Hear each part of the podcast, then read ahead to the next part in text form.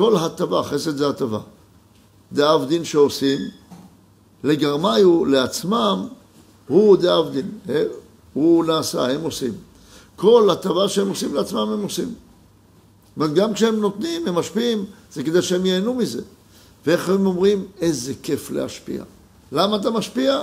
כי זה כיף להשפיע. וזה עדיין נקרא רשעים, שעיקר כוונתם הוא לעצמם ולכבודם. ופה יש עניין מאוד חשוב. אז אם כך, איך אני אדע? השפיטה היא אם כך לא לפי המעשה. בן אדם מייצר מידה של השפעה, ואתה אומר, אם כך, הכוונה היא חשובה. האם יש חשיבות למעשים או לא? מה חשיבות המעשה? האם האמירה, העיקר הכוונה, העיקר שהכוונה טובה היא נכונה?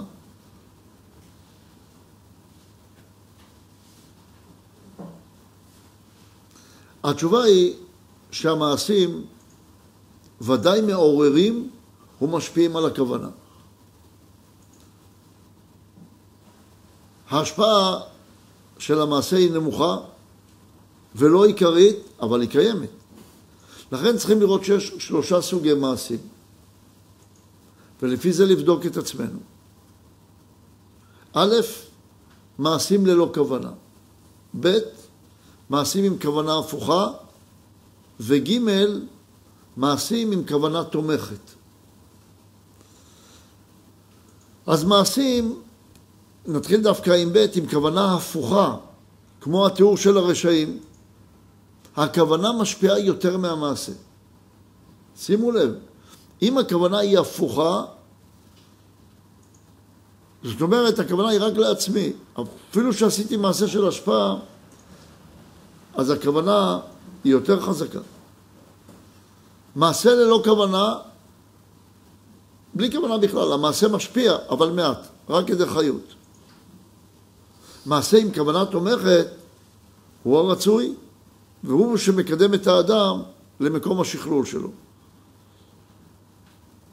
אז זה שרשעים גם עושים מעשים של, מעשים של השפעה, אבל כוונתם הפוכה רק לקבל לעצמם, להפך, זה עוד יותר מרע.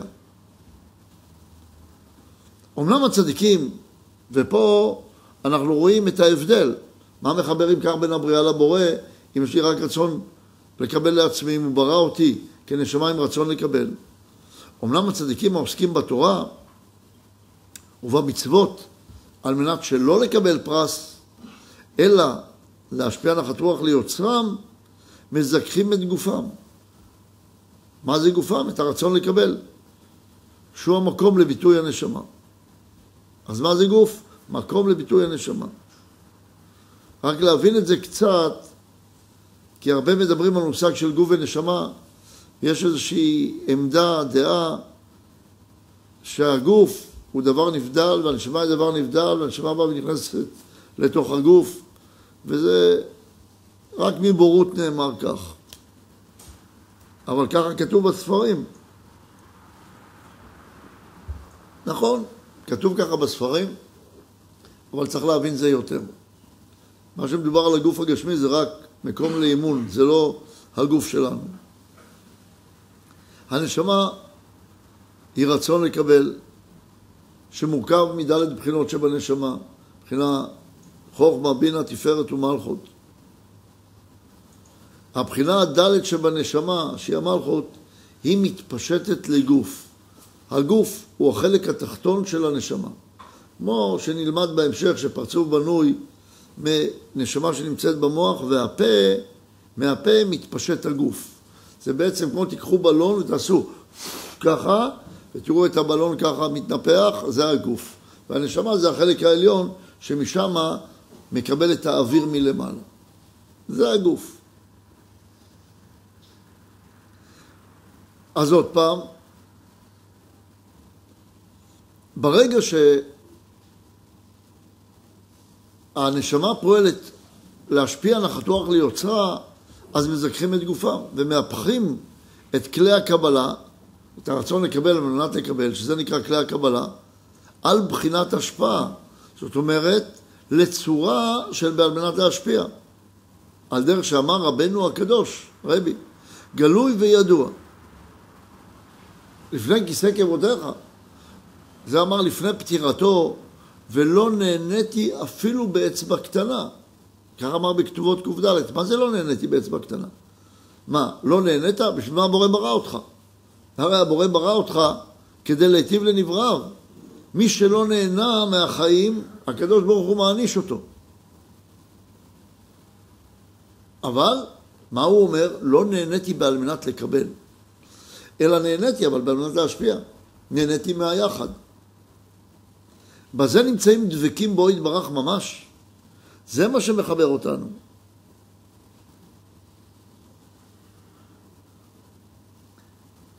להיות שצורתם שווה לגמרי ליוצרם בלי שום שינוי צורה כלל. וזה שדרשו ז"ל על הפסוק, ולומר לציון עמי אתה. ודרשו בהקדמת ספר הזוהר או ס"ז, עימי אתה, אתם בשותפות. הכוונה היא, מה זה בשותפות? שיש לנו צורה משותפת שאתם גם בעל מנת להשפיע, אז הצורה המשותפת מקרבת את הרוחנים. אז זה האתגר שעומד בפנינו, להגיע להשוואת צורה. אשר הצדיקים שפועלים כך להשוואת צורה, הם שותפים עם הבורא יתברך. בהיות שהוא יתברך התחיל הבריאה, מה זה התחיל הבריאה? מצד זה שהבורא נתן לנו את הרצון לקבל, הוא התחיל את הבריאה, והצדיקים גומרים אותה, נותנים לה צורה של בעל מנת להשפיע. להיותם מהפכים כלי הקבלה על כלי ההשפעה. סיכום.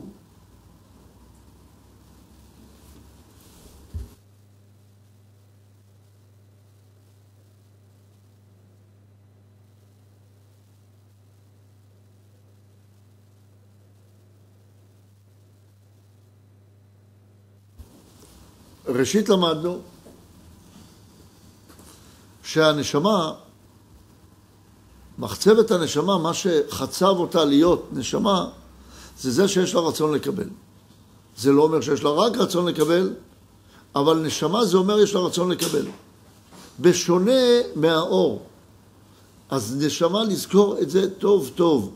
נשמה זה לא אור. נשמה זה רצון לקבל מלא באור. זה נשמה. הלאה.